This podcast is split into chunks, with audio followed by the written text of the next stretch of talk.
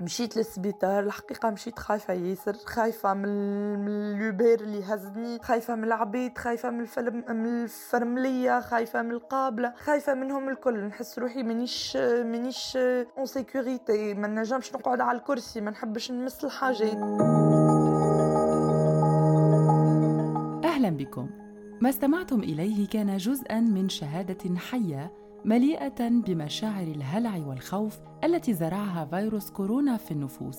ابتسام هي مواطنة عاشت تجربة قاسية جدا كان من المفروض أن تكون الأجمل في حياتها. تجربة الأمومة التي انقلبت إلى كابوس كانت تتمنى أن ترى نهايته.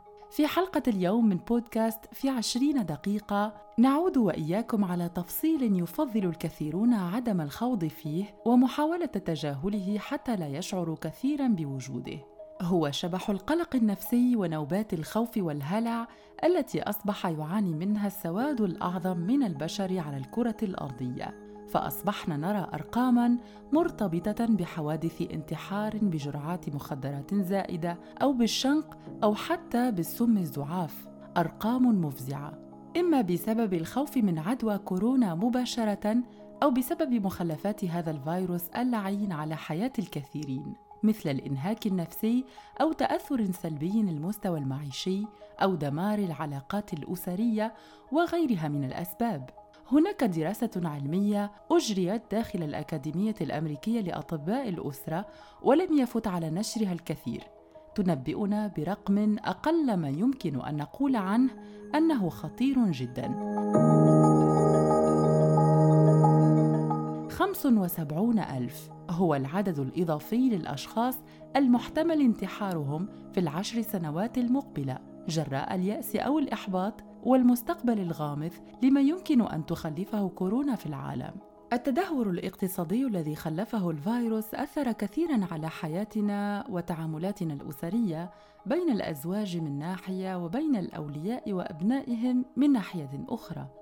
ويقال بأن عدم الرضا على ملامح الحياة الجديدة المفروضة علينا طبعا بسبب كورونا على الكثيرين هي السبب الأساسي وراء الانتحار أو الجنون أحيانا. نأخذ على سبيل المثال الاقتصاد الأمريكي الذي يعد الأقوى في العالم. فقد خسر 22 مليون أمريكي وظائفهم منذ منتصف آذار مارس 20 و2000 بعد أن أغلقت العديد من المطاعم والمحلات والشركات أبوابها وأوقفت نشاطها.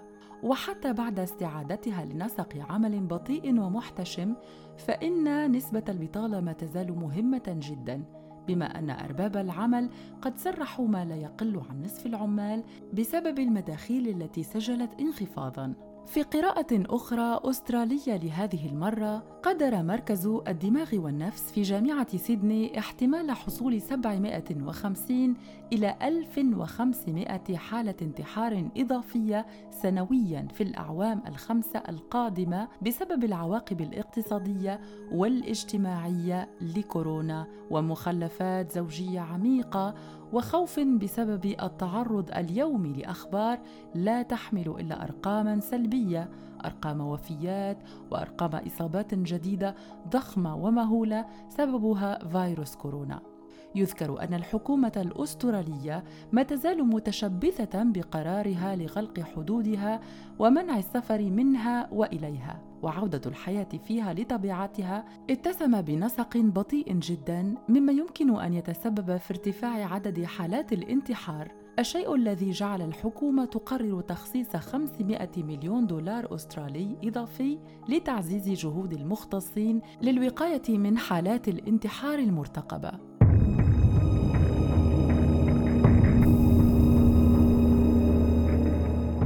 من لغة الأرقام والإحصائيات نعود إلى التجارب الشخصية مستمعينا ونستمع وإياكم لبقية الحكاية. حكاية ابتسام لولادة طفلها في أوج أزمة كورونا وكيف منع الأب من زيارة رضيعه وتفاصيل أخرى. وتأثير ذلك على نفسيتها. أنا ابتسام عمري 27 سنة تونسية ونعيش في باريس. حبيت نشارككم تجربتي مع الكورونا وخاصة مع الحجر الصحي اللي ما كانوش سهلين جملة علي أنا خاصة اللي أنا ولدت في عز الكورونا في طنبك الكورونا نهار 10 أفريل الحمد لله ولدت لاباس. أما الكورونا والحجر الصحي خلوا لي ياسر أثر سلبية على نفسيتي وتعبت برشا وتعديت مرحلة صعيبة باش نحكي لكم الأول أول ما بدا الحجر الصحي. أه وقتها كيفي كيف العباد الكل؟ في ديسمبر كنا نحكي ونسمعوا في الكورونا في الصين وكل شيء ونضحكوا كيفنا كيف العباد حد ما تصور اللي الكورونا باش توصل لنا لهنا واللي باش نعيشوا معاها واللي باش نعيشوا في ظروف صعيبة كما ظروف هذيك. قبل ما يبدأ الحجر الصحي بيامات أنا وقتها في كونجي خاطر قريب باش نولد وراجلي وقتها بدا الخدمة عن بعد.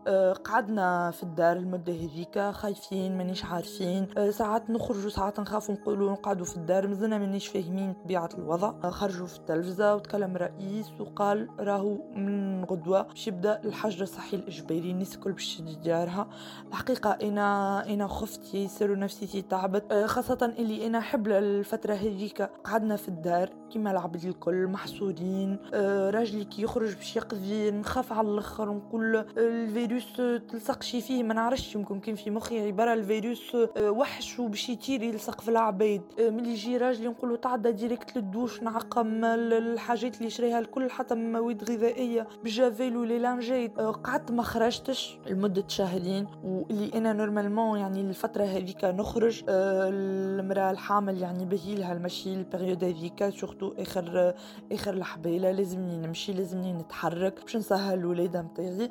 أما أنا لا قعدت قدام الدار وقدام التلفزة نتفرج في BFM TV نتفرج قداش موتى في النهار قداش من عبد توفى لين وليت نوم الليل ما نرقدوش. إنا نخمم ونهلوس وبعد وليت نخمم آه، خاصة كي قربت فترة الحمل متاعي قول يا ربي كيفاش إنا باش نولد والسبيطارات معبين بالمرضى. وليت نتكلم في السبيطار متاعي نسأل قداش فيه من مريض بالكورونا. بعد يقولوا لي لا راهو ال bloc متاع متاع التوليد بعيد على مرضى الكورونا راهم معزولين. أما هذايا ما يمنعش اللي أنا خفت ياسر ياسر. أه بداو يبعثوا لي في في les e-mails e-mail نتاع الإلغاء نتاع المواعيد نتاعي نتاع الدروس آه، في يعني باش نتعلم كيفاش تصير عملية الولاده كيفاش الرضاعة كيفاش الدنيا الكل هذوما الكل الغاوهم يعني قبل فترة صغيرة من الولاده نتاعي الحقيقة حسيت خوف كبير ياسر وحسيت بقلق. أه ال période هذيك كنت نستنى في أمي باش تجي بحذايا من تونس. أه نستنى فيها حضرت لها اوراقها حضرت داري حضرت كل شيء. يعني أه للأسف السفاره في تونس سكرت وما نجمتش ماما تجي بحذايا. على ال passeport نتاعها bloqué. donc حست بروحي وحدي وحست لي أنا باش نولد وحدي. الحمد لله يعني معايا اصحابي ومعايا راجلي وقفوا معايا من غير يعني وقفوا معايا بالتليفون وعن بعد. كان راجلي بحذايا خاطر لا نجموا نزوروا بعضنا لا نجموا لا نتنقلوا لا نتحركوا لين جاي اليوم الموعود اللي هو نهار اللي باش نولد نهار عشرة أفريل. مشيت للسبيطار الحقيقة مشيت خايفة ياسر خايفة من l'Uber اللي هزني خايفة من العبيد خايفة من الفرم من الفرملية خايفة من القابلة خايفة منهم الكل. نحس روحي مانيش مانيش en sécurité ما نجمش نقعد على الكرسي ما نحبش نمس الحاجات. لين دخلوني لقاعة التوليد. يعني للأسف أخيب حاجة قعدت في بالي اللي أنا ولدت ولبسة الماسك يعني آه، لبسة ال bavette وأنا نولد آه، كها والحمد لله يعني تعبت شوية وبعديك خرجت خرجت والحمد لله أنا لاباس والدي لاباس. بعد قعدنا خمسة أيامات في السبيطار. الخمسة أيامات هذوك ديما نخمم فيهم ديما مهلوسة. كي تجيب لي الفرملية الفطور نخاف ونقول يا ربي زعما نضيف ولا لا زعما فما حاجة. زعما الفيروس يدور ولا لا خاصة اللي أنا في السبيطار. يعني هذاك اللي زاد الهلوس متاعي في نفس الفترة يعني في نفس مدة إقامتي في السبيطار. يعني جتني شوية شدتني شوية سخانة وهي سخانة عادية. يعني المرأة الوالدة جديدة سخانة عادية. يعني آه، خاصة في ال période اللي المرأة باش تبدأ تنتج فيها الحليب. خفت وهلوس وقلت هذيا أكيد أنت عديت بالكورونا وبديت نهلوس وألف سيناريو سيناريو في مخي. لين لين قعدت باش نهبل. نزيدكم اللي في الفترة هذيك ما نجمتش نرى راجلي ما نجمش يرى ولده خاطر ممنوع في السبيطارات الكل يعني للوقاية الوقايه وباش ما يعديوش العبيد وكل شيء. ما فماش زيارات. حتى يعني ولدي أول bébé يتولد لنا بوه ما نجمش يجي يراه كل شيء بتصاور بالفيسبوك وبالفيديوهات اللي هذايا مش سهل حتى طرف واللي خلينا أثر سلبية واللي راجل يعني قعد ما شافش ولده ما راش ولده ماهيش ماهيش حاجة سهلة. كهو بعد روحنا للدار أنا وال bébé متاعي الحمد لله لاباس. شاف بوه قعدت période صعيبة ياسر عديتها تعديت بمرحلة نفسية خايبة. ما بقيتش شكون بحذية. أنا في السبيطار وأنا باش نولد قلت كي ولدت في ظروف عادية راهو بحذية ماما راهو بحذية عائلتي. راني عملت حفلة لولدي. برشا حاجات تحرمت منهم. من كان لهم علاقة بالمستشفيات في ذروة كورونا تأثروا بشكل لا حدود له. مرضى كانوا أم أطباء. هناك مرضى انتحروا وكذلك أطباء في الصفوف الأمامية انتحروا كذلك ولعل أشهرهم الطبيبة الأمريكية الدكتورة لورا برين والتي كانت تشغل منصبا مهما جدا كمديرة لقسم الطوارئ في مستشفى نيويورك مانهاتن حيث توفيت بعد أن عرضت نفسها بنفسها للإصابة بفيروس كورونا.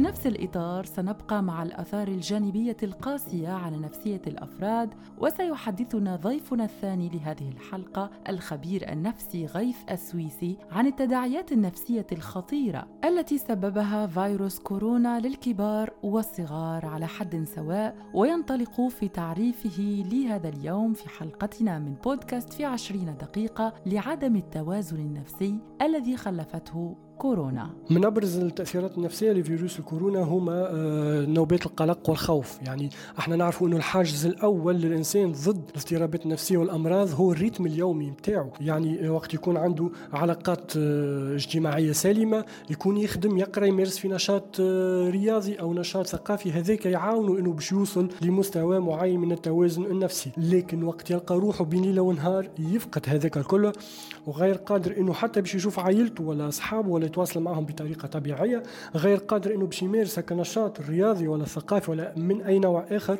آه، يلقى روحه محبوس في في مساحة معينة غير قادر إنه باش يخرج منها وميم طون قاعد قاعد يخدم عن بعد هذاك كله سبب نوع من التوتر اللي بشوية بشوية صار ولينا نحكيو على نوبات من معناتها نوبات متعددة من آه، القلق زاد الخوف من الإصابة بفيروس الكورونا.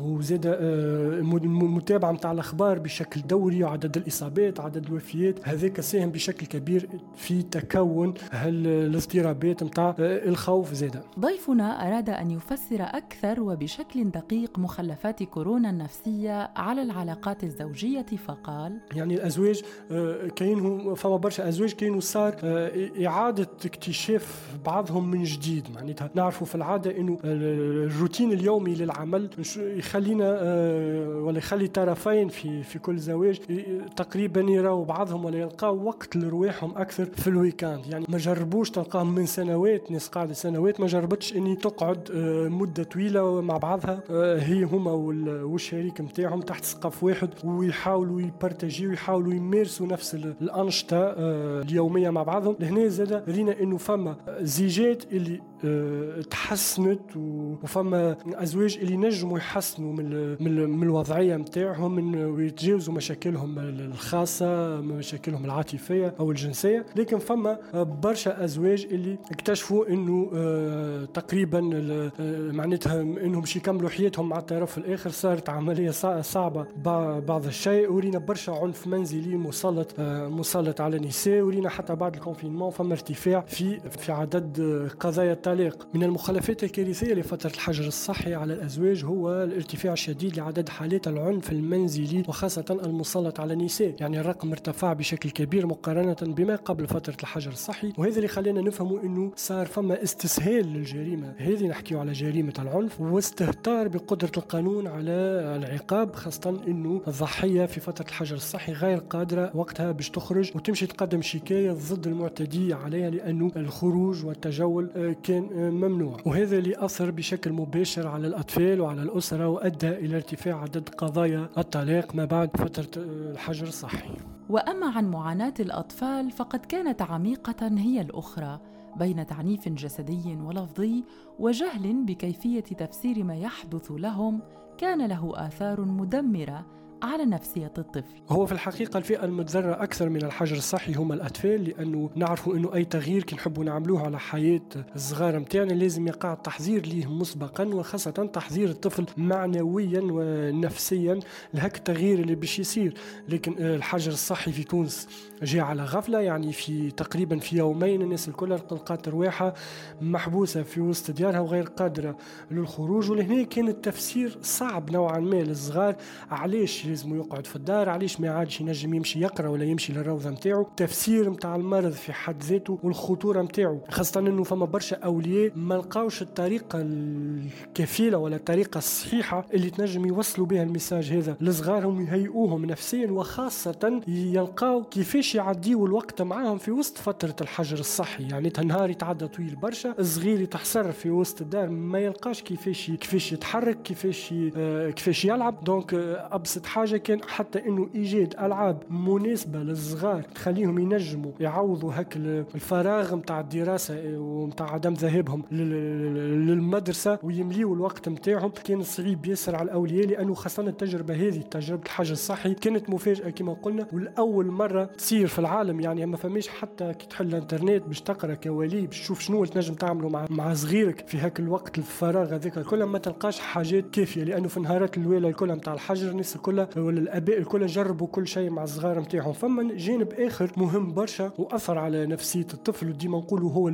الفئة ولا الطرف المتضرر أكثر في الحجر الصحي هو التونسيون في وسط الدار. يعني الضغط النفسي اللي مسلط على الوالدين في حد ذاتهم. لأنه يعني الوالدين زاده هما تحسروا ما عادش قادرين إنهم يمشيوا للعمل. وهذا خلق نوع من الضغط من الضغط النفسي اللي يخليهم غير قادرين على التحكم بمزاج نتاع صغارهم بطريقة صحيحة. يعني تلقاهم آه، في سعي ينفعلوا في سعي يردوا الفعل وهذا كان باب كبير لممارسه العنف اللفظي ولا العنف المادي على الأطفال وهذا آه، آه، بالحق لاحظناه حتى في فترة الحجر الصحي إنه فما برشا حالات خطيرة نوعا ما من الاعتداءات المتكررة على على الصغار من طرف أوليائهم لأنه كما قلنا الولي هو بيده فقد السيطرة حتى على أعصابه وعلى مزاجه هو لأنه الظرف كان صعيب نوعا ما. هو في الحقيقة ما فماش حالة عنف معينة أو محددة يمكن نستحضرها لكن عندي ملاحظة مهمة برشا هو غياب المؤسسات اللي تنجم تحمي الطفل من العنف. معناتها في فترة الحجر الصحي الإعلام والناس الكل تحدثت على العنف الموجه ضد النساء وصارت فما حملات كبيرة وصارت فما مراكز اللي خدمت بالكدا بالكدا آه، اللي وجهت وعاونت وفهمت ضحايا العنف من النساء شنو ينجموا يعملوا وشكون ينجموا يتصلوا كيفاش ينجموا يحميوا رواحهم لكن حتى حد ما حكى على العنف المسلط على الأطفال في الفترة هذيك هما لأنه صراحة لا فما تشريعات ولا فما مؤسسات اللي تنجم تحمي طفل من العنف المسلط عليه في هاك اللحظة هذيك ولا تراقب أصلا سلوك الأولياء في فترة كي من هكا في فترة صعيبة تجاه صغارهم وكيفاش قاعدين يتعاملوا معهم وهذه نقطة آه، مهمة برشا. نتمنى إنه